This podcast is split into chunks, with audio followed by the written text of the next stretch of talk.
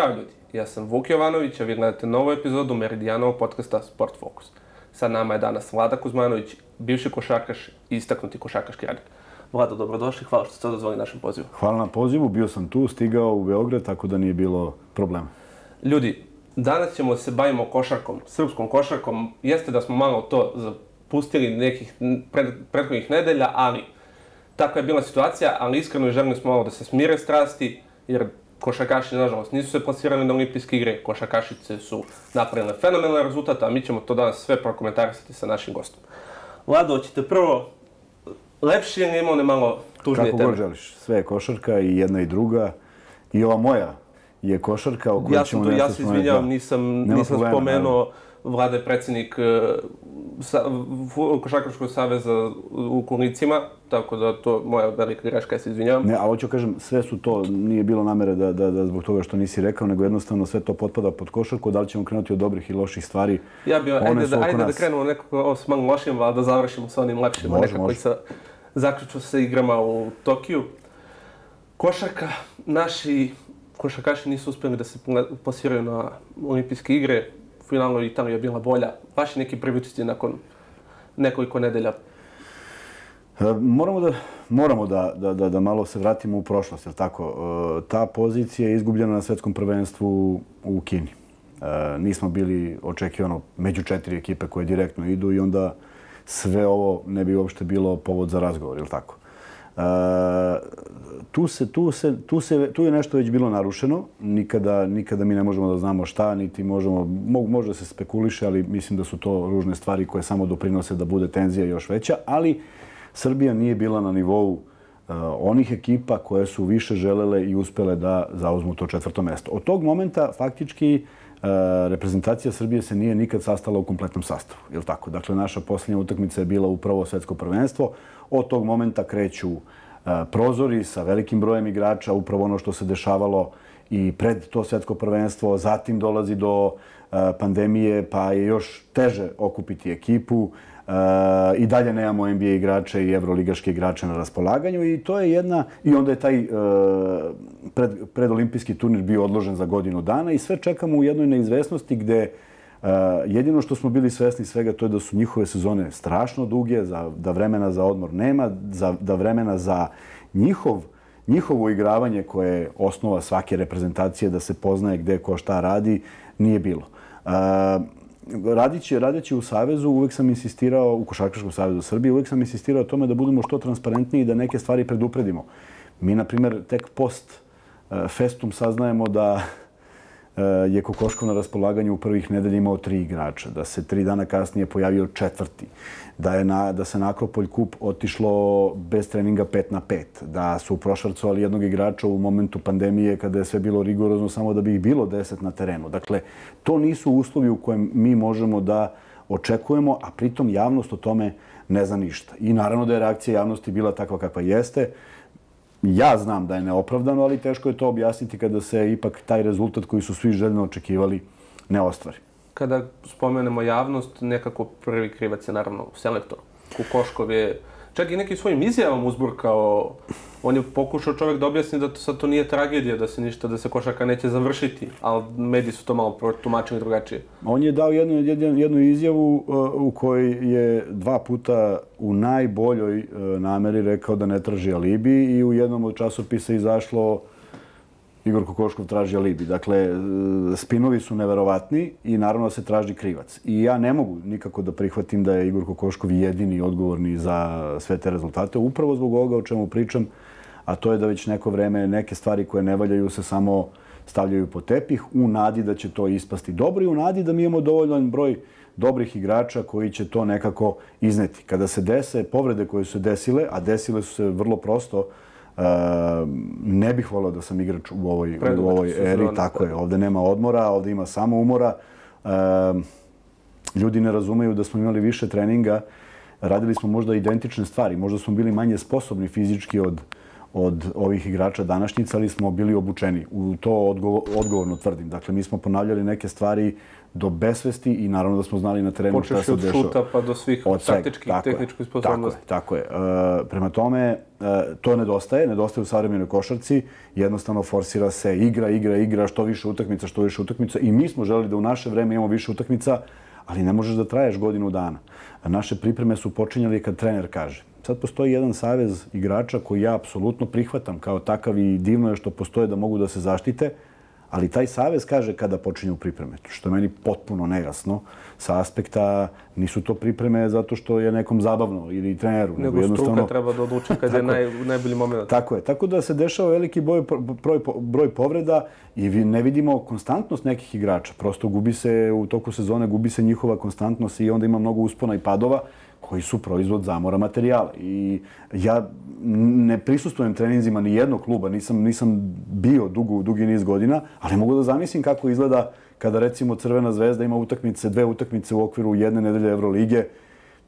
To znači da četiri utakmice zvezda izađe vratno na teren, Radonjić uzme spisak protiv koga igraju, oni prošetaju te akcije mi smo te akcije igrali do, do, do krvi na, na terenu da bismo znali šta nas sutra čeka. I nakon tih utakmica onda neki igrači u ovim prozorima odu za, za reprezentaciju da. i to je stvarno nekomano. Apsolutno. Ljudi se pitaju, opet kažu kako Luka Dončić može, a ljudi ne shvataju da je Luka Dončić što je on specifičan po mnogo čemu, ima samo 21 godinu. Nije isto, nije isto telo igrača sa 21 godinom i igrača koji ima 30, 27, 28 ali taj, taj nehuman ritam, da li se tome nazire kraj ili će ne. to biti sve gore gore? Ne, ja uopšte ne zavidim, kažem, igračima, zato što o njima niko ne vodi računa. Ne verujem da će posle završetka njihovih karijera da im neko kaže hvala, bit će samo zaboravljeni i snalazit će se u nekom svom novom životu, izraubovani sa velikim brojem povreda, jer uh, u naše vreme mi nismo uspeli da zacelimo jednu povredu, a sad je to još da kažem, nemogućija misija. Kruže priče da nema košakaša bez veštačkog kuka. Pa, otprilike, da. da. Na kraju, kada sve sabere, bude strašno i, kažem, niko ne vodi računa o njima. Nedavno, ne toliko, ne toliko uh, skoro sam pročitao izvešte o Batistuti koji je molio doktora da mu odseče nogu koji su to bili bolovi. Od Batistute kad je završio karijeru nikoga više nikad nije ni spomenuo, je tako? Prema tome niko ne zna šta se zaista da, dešava s tim ljudima. Da, nije bilo kad prastim biću kengur nekoga s ovih prostora ne bi znao. Ne bi znao, da. To je nevjerovatno. Tako da ne vodi se računa, sezone su jako dugačke i zaista je zamor materijala preveliki. Na sve to, na sve to moramo da shvatimo jednu stvar. Svi ti ljudi koji se pozovu na odazivanje Divca ili Đorđevića ili onog vremena, ipak smo ipak rastemo u različitom vremenu. Mi smo imali jedne vrednosti, sada su malo drugačije, da ne kažem gore, ali drugačije. Koje su to današnje vrednosti? Šta mislite? Pa nekako, nekako je sve instant, živimo u instant društvu i mislim da je jedina preokupacija svih zbog 30 godina jednog lošeg standarda u društvu, jedina preokupacija novac. Ja ne mogu da uopšte objasnim nekome ko sad igra košarku da motiv mene i mojih saigrača i mnogih generacija pre nije bio novac jer nismo bili profesionalci. Ja sam počeo da igram 89. godine sanjavajući da budem jednog dana prvotimac. Ne zato što je to nešto donosilo, nego je to donosilo mogućnost da igraš sa boljim igračima i da, da se takmičiš. E, prvi novac u Srbiji, pravi novac je uveden 90. i, na primjer, treće, četvrte. 93. zbog toga što je bio odnos marke i dinara nije moglo da se izračuna. Ne, ne, ne, nije moglo da se izračuna, da. Tako da si sa 5-6 hiljada maraka bio milioner u tom momentu i to su neki prvi, Nisi prvi znao, novac. u toku dana se menjalo. Tako je. E onda 94. malo dolaze klubovi koji počinju plaćaju igrače i tu postaje profesionalizam. Ja negde do 99. nisam shvatio da mi igramo za novac i dalje sam igrao za, za, ovaj, samo za neki prestiž. Onda sam negde u jednom momentu shvatio da i zarađujemo neki novac. I a, odazivanje nečemu što je viši cilj, što je, što je, što je reprezentacija nije dolazilo u pitanje iz prostog razloga. Da ne pričamo koliko je nacionalni napoj tad bio mnogo jači tako, nego tako, iz razno raznih razloga. I jedva čekaš da te neko pozove i da kažem 48. si na spisku i ti kažeš opa, to je bliže nego što sam bio. Tako. Prema tome, e, e, to treba odvojiti. E, ja ne mogu nikako da pričam iz ugla Nikola Jokića, za kojeg smatram da je zaista jedan od, od najtalentovanijih i možda igrača sa najneverovatnijim koeficijentom inteligencije, košarkaškim, ne mogu da pričam iz ugla njegovog zamora od 72 utakmice kad ja to nikad nisam doživio. Znači, moj plafon... 109. 109 je bio on Kad se sabera, da, 109. Da. Dakle, ja govorim samo o regularno. Da. Prema tome, jako je teško pričati i reći on je ovakav ili onakav. Ja potpuno to razumem. Samo ne znam što se diže tolika halabuka i u jednom i u drugom smeru. I ovih što, što ga brane i ovih što ga napadaju. Iz prostog razloga ima čovjek prava da izabere. Ne treba ga porede ni sa kim. Razlika između njega i Dončića je opet u određenim godinama. Dončić je možda vaspitan ovako, Nikola onako. Uopšte ne ulazim u to. Jednostavno, neko ima taj osjećaj, nekoga nema. ja sam 2005. već bio maltene u penziji. Ne maltene, nego sam bio u penziji da je Željko Bradović skratio onaj spisak i e, sve one igrače koji nas nisu doveli do Beograda, tako? Da ih je sve raspustio i da me je pozvao, ja bi dotrčao i uradio najprljavije stvari koje su potrebne da bi se Jugoslavija u tom trenutku našla. SCG. Pa da. da, da, da Srbija i Crna Gora, jeste. Da bi se našla na, e, u Beogradu, makar pa ne napravili nikakav rezultat. Dakle, to je, to je zaista neko vaspitanje koje postoji, nešto što je usađeno. I na sve to, i na sve to opet postoji opravdanje od 109 utakmica koje su potpuno nehumane uh, i, i, i istrpljuju čoveka. Ono što je problem, što sad svi vide Nikolu Jokića i kao što su svi ugledali Novaka Đokovića, kupili teniske rekete i procvetao tenis, uh, tako svi sad gledaju NBA. Zato što je mnogo lakše, lakše nego ikad preskočiti jednu stepenicu koja se zove Euroliga ili Evropska košarka. Čak i ne mora da bude, ne mora uopšte da budete deo toga. Da ne, ne, ne mora da biste otišli, tako je, i onda svi to gledaju na taj način. To je pogubno, zato što ako gledamo Nikolu Jokića, ako ne gledamo Bogdana Bogdanovića, e, ostale igrače ne gledamo u tom u toj poziciji nosićih igrača. I ne zaboravimo, Bogdan Bogdanović je prošao jednu ozbiljnu košarkašku školu, postao prvak Evrope i otišao sa tim, te, sa tim sa tom težinom otišao u NBA i naravno da mu neko posvećuje na neki način jednu lepu ulogu. Mi imamo Smajlagića i Pokuševskog za kojeg smatram, za koje obojicu smatram drago mi je što su tamo i uh, prija kada čuješ da ima Srba u NBA, ali na primjer kad bi se vratili u evropsku košarku ne bi bili pojačanje. Teško bi mogli da igraju takmičarsku košarku u okviru Euroligi. Da, drugačije, tamo su prospekti. Tamo, su... tak, tamo postoji jedan i oni kažu mi sad gledamo za četiri godine šta će da bude i sve to legitimno, samo što kažem, e, e, nacija se digla noge kako Pukuševski i Smajlegić nisu reprezentaciji. Ne bi doneli ništa novo, ne bi doneli taj takmičarski moment. A kad bi možda i bili, onda bi, ne da Bože, desi se ovakav rezultat kao što se desi, onda bi šta će on reprezentaciji, daj pozovi nekog iskusnika. Tako da mi ovde, da, mi ovde ne možemo da zadovoljimo ukuse svih, ali prosto ljudi, ako žele već nešto da, o nečemu da pričaju, neka se upoznaju sa sistemima u kojima ti momci igraju i činjenicom da sam ja negde svoje vremeno izjavio za Borišu Simonića, za kojeg i dalje smatram da je dečko koji ne shvata, on sam ne shvata koliki je potencijal bio i možda i dalje.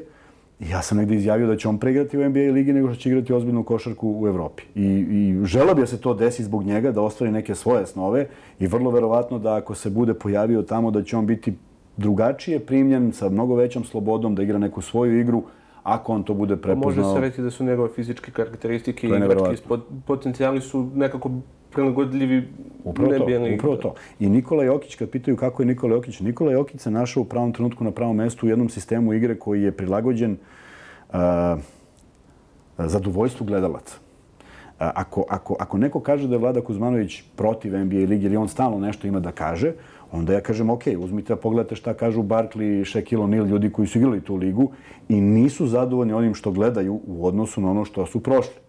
Zato što je tamo svaka druga utakmica bila na ivici tuče kada je to bilo interesantno. Kada je NBA procenila da to više nije mnogo bitno i zabavno ili kad je pala gledanost, menjamo pravila, menjamo bilo šta. I sad pogledate da, da je preko 70 šuteva za tri pojena na utakmici. Ja, ja, samo vratim, ja samo vratim pitanje uh, uh, zašto jedan od najboljih, u stvari ne jedan od najboljih, najboljih svih vremena, Michael Jordan nije posvetio vreme tome da nauči da šutira za tri. Jer to stvarno neko misli da nije mogao. Njegova filozofija košarke je bila da se nadmeće. On je sve voleo da ubaci u reket i da preskoči sve i ako može tako da poentira. Znači, verujem da je želeo sebe da našteluje na 50% šuta da bi to bez problema uradio. Pa i ono vreme kad Michael Jordan da tri trojke, to je tad bilo... Mislim, ne samo Michael Jordan, nego neko... Tako to je, danas to su procenti. Danas daš tri trojke, ti si prosječan šuter. I neko ko ne zna ono NBA ligu, sigurno uživo u ovome. Ja nemam ništa protiv kad neko kaže gledao sam, ali to ne znači da nužno moram i ja da gledam zato što ja mogu da napravim razliku. I ovo mi se apsolutno ne sviđa. Ne, ne sviđa mi se ni evropska košarka što je, što je dozvolila da ne bude više evropska, nego da bude sve bliža. To je razumljivo. Evropa je poligon za mlade igrače, da ne moraju više da se kao kukoč ili kao dražen prilagođavaju NBA ligi, nego dobiju gotov proizvod pa će lakše da ga ubace u ono, tamošnji sistem. Mislim da je Evropa time izgubila, zato što Ja volim onu konzervativnu košarku koje su dozvoljena sva sredstva i ne moramo da pamtimo utakmicu po lepoti, već samo da kažemo ko da je ko, ko je pobedio. I mi smo znali da igramo takve utakmice u jednoj Beobanci, kojih se ljudi koji prate košarku i mojih, moja generacija i stariji se sećaju i tvrdorah smo bili za bilo koji tim koji je lepršavo igrao. Destrukcija košarkaška, ali gledalo se da li možemo da pobedimo ili ne. Tako da, e, promenilo se mnogo toga i NBA je došla e, kao jeli, mesto u kojem se igra najbolja svetska košarka i dalje slovi kao takva. Nije to više onoliko interesantno, bar ne za moj ukus, da li je to spektakularno, da li to ljudi gledaju, sigurno da da, ali je e, od evropske košarke napravilo to da su ti igrači bliže mentalitetu i tim nekim shvatanjima košarkaškim uh, e, NBA. Ja bih sad vratio malo na reprezentaciju. Isto, ja mislim da je jako bitno, pričali smo i pre emisije, da nekako eh, ovaj rezultat ili loš rezultat što se nismo plasirali u Tokio, jer posljedice toga malo je ovog sukoba FIBA i, i evropske košarke, leba, ali malo više toga da Srbija nema više onih igrača koji su nekog srednjeg kvaliteta.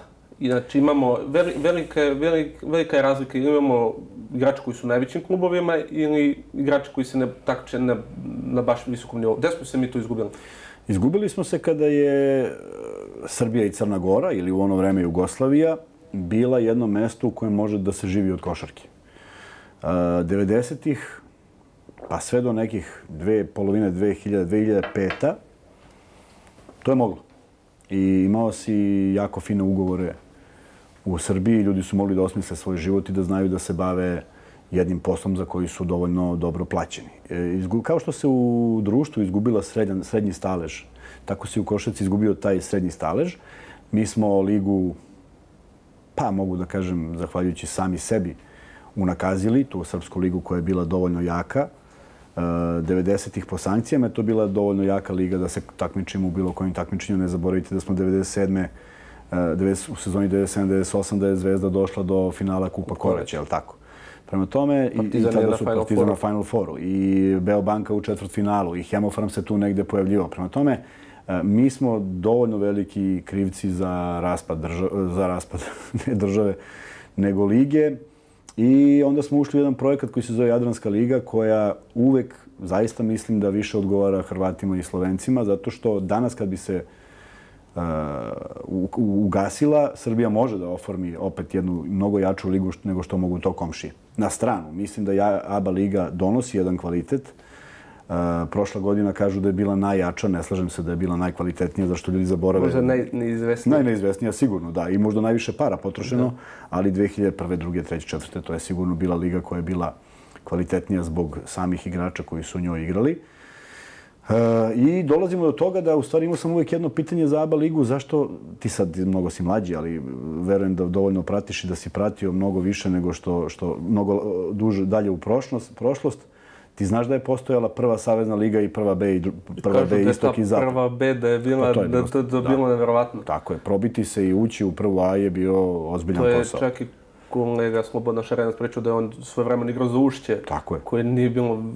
Moglo je. Nije lak zalog. Tako je, tako je. Upravo to. Znači, bilo je teško svuda. E sada, zašto nikad, zašto nikad nije ofromljena istok ABA 2 i zapad ABA 2 i najlegitimniji način da se ulazi? Ovako je vrlo diskutabilno ko kad ulazi, kad će se liga proširiti. A ne zna se ni u prvoj javila ligi kako, kako sve funkcioniše.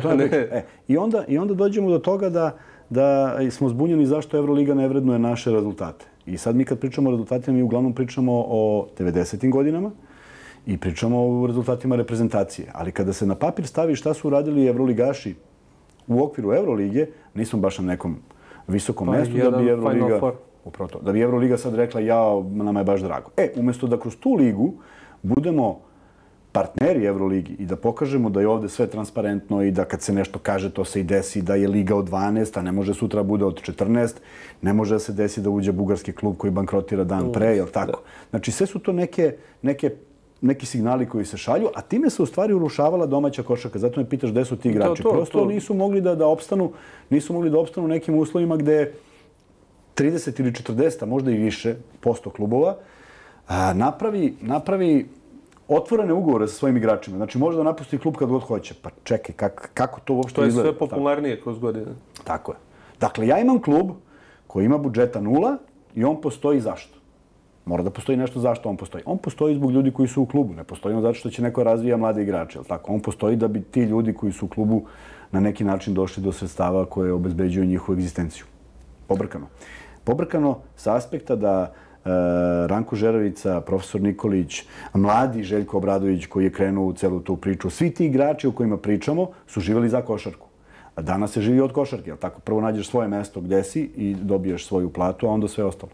Dobro, ja mislim da tu ima, ima da je malo dublji problem počeš od roditelja koji o, to su hoće da naplate neke svoje neuspehe i neki svoj... Dimitrije Vojnov, režiser i scenarista i kritičar filmski i sve šta nije, mi je poslao svoje vremeno jedan ovaj, e, vrlo simpatičan scenario za jednu košarkašku priču, možda bude bilo gde u svetu, jako pitka, a priča o košarci filmova kojih u suštini nema.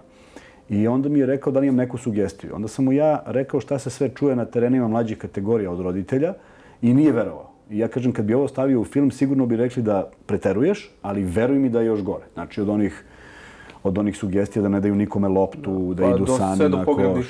Do poglednih reči sa, igračima, da, da, da, sa igračima njegovim. Prema tome, sve je to otišlo u bestraga jer, jer ljudi traže svoje a, zadovoljstva neka, neka propuštena ili misle da su nešto propustili, im neko uskratio i onda decu potpuno drugačije a, ovaj, da a, formiraju. A onda se desi još neviđen, još, još gori paradoks gde jedan momak, potpuno nevažno iz kog kluba, potpiše neki sponzorski ugovor sa nekom firmom. I on dođe na trening sav u toj opremi. 89. da mi se to desilo, ja bi obukao sve svoje igrače. Znači, ja bi podelio sa igrače, ja bi podelio svu opremu da mi iđemo jednaki. Ne, on već ima status kojim ničim nije zaslužen. I on sebe vidi kao drugačijeg. I on misli da mu pripadaju neka prava. I sad neki trener treba da uđe u raspravu sa njim, a on je već podignut. I tu se narušava I tu se sve. narušava apsolutno sve. Tako da je mali broj trenera koji će se nositi s tim, koji imaju integritet, verujem i oni i ne rade. Čuo sam da je Darko Russo dobio posao u Astani što je za mene fantastično jer mi je drago, a s druge strane... To nije ovaj, fantastično za Srbiju, za srpsku Da, naravno, pa naravno, pošto ga ovdje niko ne konstatuje iz prostog razloga što je težak za saradnju, znaš. A u stvari čovjek samo ima neki svoj integritet, možda, možda, možda nije, do, nije fleksibilan u nekoj meri koja bi njemu olakšala, ali apsolutno čovjek koji zna košarku, kojem nije ponuđeno da radi bilo gde, već godinama. Prema tome, mi se odlično vrlo, vrlo lako ljudi, pogledaj samo, ti ne znaš, ali ja kad bi ti dao podatak koji sad mogu samo iz glave pa da ne bude da nešto pričam pogrešno, imamo prvake po raznoraznim državama u mlađim kategorijama. Od Rumunije do Kazahstana. Imamo mlade, mlađe trenere koji rade u nekim zemljama u Rusiji savršeno. Što nisu ovde? Zato što ovde mora dođe komšija Perin sin, je tako? I onda imamo ozbiljne probleme. Prema tome, e, e, to je jedna, mi možemo pričamo o ovome tri dana, uopšte nije sporno, ali nećemo naći uzrok i koren problema jednostavno samo da ne, da ne govorimo da nam je neko drugi to uradio, da je neko drugi nego protiv nas, nego smo sami to, sami. tako je, tako. E, šta dalje? Da li je, koji su sljedeći korak? Spominje se dalje. promjena selektora, Svetislav Pešić figurira kao glavni kandidat. Opet nešto po novinama, opet je sve to nešto po novinama. Pa da, zato kažem, spekulišem se da sam ništa nije. Kako bih rekao, neko mora da bude kriv, ali, ali nije to samo Jurko Koškov. Eh, desit će se peh i nekom drugom ako bude se nastavilo u ovom nekom ritmu osipanja igrača, eh, mnogo loših stvari u mlađim kategorijama. Ja sam zaista prionuo na taj posao i šta god ljudi mislili i pričali, znam šta sam uradio tamo, kako smo radili, koliko smo stvari postavili na svoje mesto, koliko to nekome nije odgovaralo, koliko nas je baš bilo briga što nekome ne odgovara. Gurali smo jednu zdravu priču, izgurali je. Ja sam otišao iz Saveza, a mi smo bili najuspešnija nacija na svetu u tom trenutku. Znači, jedan potpuni paradoks. Ali nekom nije odgovaralo. Šta nije odgovaralo? Da Žika bude na spisku, da Pera bude trener i tako dalje. I ja prosto nisam želeo da učestvujem u svemu tome. E, najviše što me je pogodilo i što nikako nisam mogao da dođem do, do, do saglasnosti unutar Saveza, to je kada nama dečko otkaže sa 16 godina reprezentaciju. I ja sam samo insistirao da više nikada ga ne pozovem. Zato što taj dečko mora da shvati da on ima privilegiju da igra za reprezentaciju. Tako je. A ne da on odlučuje da li će doći na ovo ili na ono prvenstvo. I nikada nisam našao konsenzus, jer ja sam samo predložio jedno. Samo ga izbrišemo. Samo novi trener koji dođe i pogleda spisak za narodnu sezonu i nema njegovog prezimena. Neće ne se seti da je on, da je on postojao. Tako. Znači, samo imaš da biraš iz ljudi koji to žele. Nikad se to nije uradilo, uslovljavali su, neko je pristajao, mi smo dobili nervne slomove i onda sam shvatio da se ja više nerviram nego svi oni zajedno. Zato što je to meni apsolutno bilo neprihvatljivo. Taj rad u Savezu, žao mi je što, što, što niko nije pitao trenere s kojima sam sarađivao, kakva je ta saradnja bila, sa mog aspekta vrhunska i dan danas sam sa svima u kontaktu, mislim da je i sa njihovog aspekta sve to bilo i onda ti poremetiš iz nekih potpuno besmislenih razloga tu celu hemiju i desi se šta se desi. Ne mogu naravno da tvrdim da se ne bi desilo da sam bio, ali sam ubeđen da bismo neke stvari postavili na svoje mesto, da nam je bilo dozvoljeno. A ovako spekulisanje ko je šta uradio, kako, pa ti veruješ da je došlo do mene da, da sam ubacio Kuzmanovića, sina svog, u, u 16. reprezentaciju. Dakle, niko da ne proveri da moj ded, sin se ne bavi košarkom, potpuno druga zanimanja. Nego eto, i onda to ode u etar i onda ljudi tako i misle. I nema nazad. I nema nazad. A upravo sam od Saveza tražio tu zaštitu, jer svoje vremeno kad su bili neki ničim izvani napadi i na Rakočevića i na mene, ja sam samo tražio da Savez da se oglasi, da ne kaže, ne da nas brani, nego samo da kaže realno stanje stvari, nikad to nisu uradili i, i, iz nekog razloga Savez deluje kao da ne, kao da ne pomaže uh, u, u tom momentu. Jedna, jedna digresija, ali sad sam se setio, bio sam na jednoj drugoj televiziji kada, je, kada smo pričali o uspehu ženske reprezentacije. I ja sam u tom trenutku izjavio da bi sada što više devojčica po tim uspehom došla trenira košarku, mora agresivna kampanja koja mora da potekne iz Saveza, a ne da Savez čeka da se nešto desi. To se ne dešava tek tako. tako dakle, odbojkaški savez imao fantastičnu kampanju kad su... To, se, to stalno pokušam da tako, spomenem kad se tiče ženski sport, kako odbojkaški savez radi fenomenalan pa, pa, Naravno. I odjednom u svim, u svim školama odbojkaške lopte. A koš, koš, koševi dalje na 3-5 onda malo zagrebeš i pitaš, ok, a zašto nije Košarkaški savez preuzeo da u svakoj dvorani bude onaj da se spusti Elanov da se potigne, koji da. se spušta koliko god da košta, pa ti ćeš imati hiljade novih klinaca. Zašto? Zato što on kad sa sedam godina prvi put uzme košarkašku loptu i šutne na 3.05, posle dva sata mu dosadi i ode da igra futbol. Ovako kad bi on mogao da postigne koš, a mogao bi na toj visini, zaljubio bi se on se zaljubio momentalno. Tako da odličan šlagvor za prelazak na nešto vedrije teme ajde. kao što je ženska košarka. Naši košarkaši su ponovili uspeh iz 2015. godine. Pa ovaj put su nas možda malo iznenadile, možda malo više iznervirale kad su bilo jedne nevjerojatne utakmice, nevjerojatne neke sudijske odluke. Kako ste vi vidjeli celo to prvenstvo? Prvo, divno, divno je divno imati uh, reprezentaciju košarkašku na vrhu Evrope bez dovoljno jake domaće lige, jel tako? Da sad bez neko lige. mora, tako je. Da neko sad mora da nabroji klubove koji igraju, pa i ja koji sam u košarci, bilo bi teško. Eh, paralela, eh, moji košarkaši, košarkaši u kolicima, sad su sedmo mesto zauzeli na Evropskom prvenstvu, što je najveći uspeh od postojanja Saveza. Mi crpimo igrače iz 20-ak, 30-ak ljudi. E, to, je, to je pandam ženskoj košarci koja crpi to iz jako malog broja igrača. Jedna neverovatna energija Marine Maljković, pre svega, dakle, bez nje ovo sigurno ne postoji. E, činjenica da je pogodila u nekoliko navrata strane igrače koji se poistovete sa ekipom dovoljno govori o studioznosti pa, kakvom se bave. Pa i Anderson su nevjerovatno znači, način. Da, da, devojke koje su potpuno odjednom promenile svest, sve je važno, samo ne ja. Kolektiv je važan, uspeh je važan, tako da e, ako je neko očekivao ovaj, ovakav uspeh, on je lud. Ako je neko nadao, ako se neko nadao... Sad su rekao iznenadile. Da, ako se neko nadao, imao je puno pravo da. da se nada i stvarno su odvaradili jedan nevjerovatan posao. Sve čestitke, evo i post posle ovoliko vremena, zato što su pokazale jedno, jednu snagu koja negde nama nedostaje sada u toj nekoj muškoj e, košarci. E, kad govorim, to je, govorim o pristupu. E, mnogo je teško, mnogo je teško koordinisati bilo u muškoj, bilo u ženskoj košarci, bilo u ovoj košarci, koordinisati 12 glava, znaš, i ući šta i kako. Ti, tebi neko mora da veruje. E, mislim, da, mislim da smo to neko poverenje izgubili u muškoj košarci zato što uh, kada, kada sastavljamo tim, mi moramo da vodimo računa da naših 6-7 igrača igra u NBA. Ne znači da će njih 7 biti u dobrom, u dobrom odnosu. timu i u dobrom odnosu kada dođu. I tu treba vagati i ono što je najgore od svega, a što se, evo, sad ćemo vjerojatno preći i posle i na to, ali ako ne pređemo, zašto me raduje povratak Željka Obradovića? Zašto je jedan od redkih autoriteta u košarci danas? A mi nemamo više autoriteta u košarci koji ovde rade, je li tako? I sad zamisli kada bi se pojavio on ili neko sličan na mestu selektora i kaže ja vodim Žiku, Miku i Peru, a ovi što igraju u NBA prosto nisu, ne uklapaju mi se u ekipu. I ti poveruješ u to i desi se dobar rezultat i ti onda veruješ tom čoveku. Jer mnoge generacije ne pamte e, SFRJ, pa zamisli koga je tamo trebalo odstraniti iz reprezentacije, tako, na 22 miliona ljudi, na kvalitetne igrače i svi smo verovali da je tih 12 koji idu I medalje su to Da i uspjesi najbolji. su to i potvrđivali. Ali mi verujemo da su oni najbolji. Nikad niko nije smeo da postavi pitanje na posljednjem, eto, 90. na posljednjem u Argentini, svetskom prvenstvu zajedničkom, pa niko nije postavio pitanje zašto nije u timu neko. Jednostavno, verovalo se da je to i, naravno, imali smo rezultate. Pa kada je Aleksandar Đorđević došao na selektorsko mesto, jer nije rekao 12 najboljih, nego 12 koji najbolje mogu da Tako je, funkcionišu. tako I je. jedini je sa šest, čini mi se, debitanata otišao na prvenstvo i rekao ja uzimam medalje. Tako je. Tako. E, to je, to je potrebno. To, to, se nije, to nije postojalo, nije postojalo iz hiljadu razloga. Hiljadu razloga iz raubovanosti igrača, godine, oni svake godine nisu mlađi, nego su sve stariji, sve to... Mi sve- svi mislimo da Bogdan da Bogdanović koji nije ni igrao sad, ali da ima 22 godine. A nema više, Dečko je tako u ozbiljnim godinama. Tako je, tako je. Skoro tako da, 30. sve to ima, a ne stvara se ništa. Ne stvara se zato što ima mnogo ljudi, mojih dragih prijatelja, koji se šale na taj račun. Pa da, kaže, Kuzma bi voleo da gleda derbi uh, Kraljevo, Kragujevac. Pa ja bi zaista voleo da gledam. Pa zato kažem, ja bi zaista, jer ja znam kako je to izgledalo.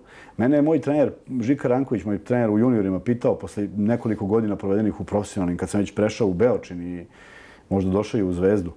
I kaže, koje su ti najteže utakmice? Ja kažem, najteže su sa Big NX metalcem. Zašto?